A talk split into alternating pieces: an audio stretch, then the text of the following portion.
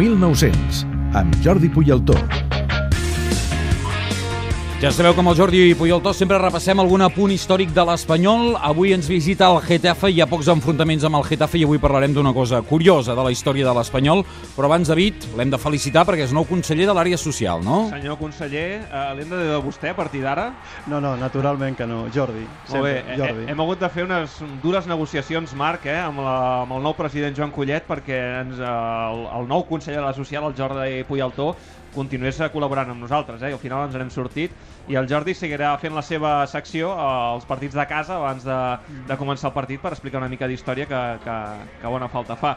Per cert, d'aquí no res, baixes cap a la llotja, no Jordi? Sí, sí, sí, quan acabi d'aquí baixaré. baixaré Home, T'estrenes a la llotja i tot, eh? Molt Sí, bé, és fantàstic. una bona estrena, sí. Ja em diràs com va la setmana que ve Ho explicaré. i m'expliques com, com es veu això del futbol a través de la llotja. Escolta, què ens vols explicar avui?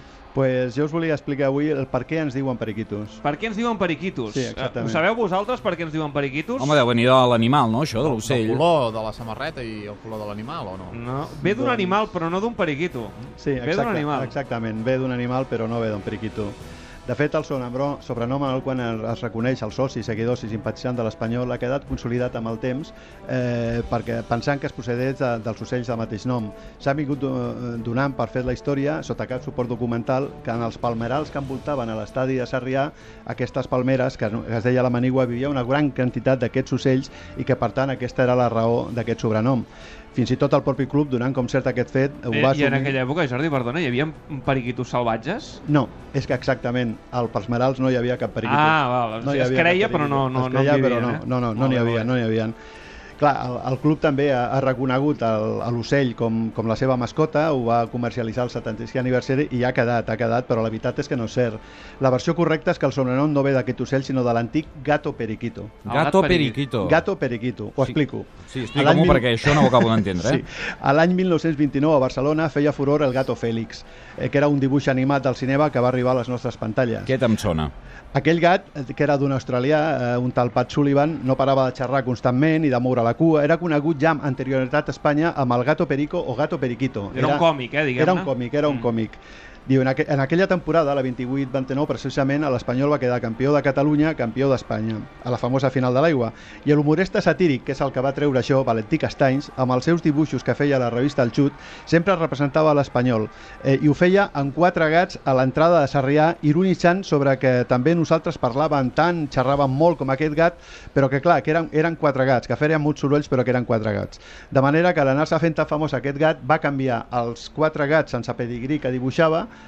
i els va substituir per aquest, eh, eh, per aquest quatre gatos periquitos. És a dir, que eh, eh, l'espanyolisme Mhm. rep el sobrenom de periquitos a, a, a, gràcies a Valentí a Castanys, Valentí, eh? a Valentí. Castanys i a la revista El Xut que baixa. Mhm. Clar, com això va quedar molt bé i la gent pa- ho reconeixia, van a motivant que altres revistes també comencessin a relacionar i representar l'espanyol amb aquest dibuix animat. Fins i tot va arribar a editar-se una revista sota el nom de Periquito, del qual us he portat una, un exemplar perquè I ho que n'hem veieu. penjat una Sí. fotografia al Facebook del programa. I aquesta revista narrava totes les seves entremaliadures i també es va arribar a publicar una col·lecció de cromos que també vaig aconseguir un exemplar.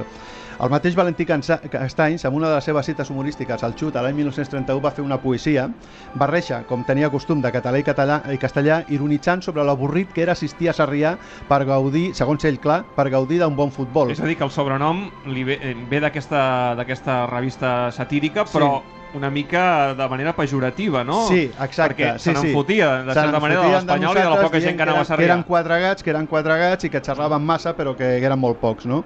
I aquest home, el Valentí Castanys, va fer una, un, ja dic, una poesia deixant molt clara la relació entre el gat i el club, que deia així, si m'ho permeteu. Sí. Era català i castellà. Si la manigua se cierra, nunca nos viene de nou, pues estas cosas marean només al primer cop i prou. Como no vemos buenos partidos, nos hemos de distraer y nos pasamos los ratos perdidos jugando a la morra. ¡Qué placer! El gato periquito es socio del español. Es negro y muy bonito, pero siempre fa el. Si le hacen una broma o club de excursión, el pobre se lo toma con mucha resignación. Aquesta era la poesia satírica. I aquesta, aquesta relació entre, entre l'espanyol i el gato periquito mmm, va durar fins a la Guerra Civil. Eh, quan va acabar la Guerra Civil, la, la revista El Xut va desaparèixer, va ser substituïda per l'Once, una revista es deia l'Once, mm. i totes aquestes revistes que es relacionava amb el Gato Periquito, amb l'espanyol, pues, és això, van, van desaparèixer, van sortir unes altres, i es van quedar sense referent. Més tard va sortir una sèrie de postals amb un senyor calp eh, vestit de l'espanyol que tampoc van quallar. Més endavant, als 60, el periodista Josep Maria Ducamp eh, va treure el nom del Cinco Delfines per reconèixer la, la davantera de l'espanyol, Sí. que inclús es va comercialitzar uns banderins... Aquí encara no utilitzàvem el sobrenom de Periquito, No, eh? no, no, no, no, encara, no, encara no, que encara no. I clar, jo recordo que tinc un banderín amb un dofí dintre Sí, sí, a sí. sobre de l'espanyol, no? Però va ser als anys 70 quan el dibuixant del desaparegut eh, Dicen, que era García Lorente, que era molt bo, el va promoure, va promoure un periquit ocell amb barretina amb la figura representativa de l'espanyol i que a poc a poc es van arrelant, fins a arribar avui a ser la nostra mascota. El concepte d'os de periquito com ocell està instaurat i acceptat per l'espanyol en tots els seus àntims, eh, eh, perdó, àmbits des de va, bueno, les últimes dècades, fa 40, sí, 70-40 anys. Eh, però com a amant de la història d'aquest club que soc, penso que seria molt bo recordar d'on ve realment el nostre sobrenom de pericos o periquitos. Doncs fantàstic, Jordi. I no sé si que ara potser hauríem de recuperar la mascota d'un gat, no? Per ser Bueno, fidels a la història, però bé. Jo, jo crec que com a història està bé, eh, però ja va quedar des...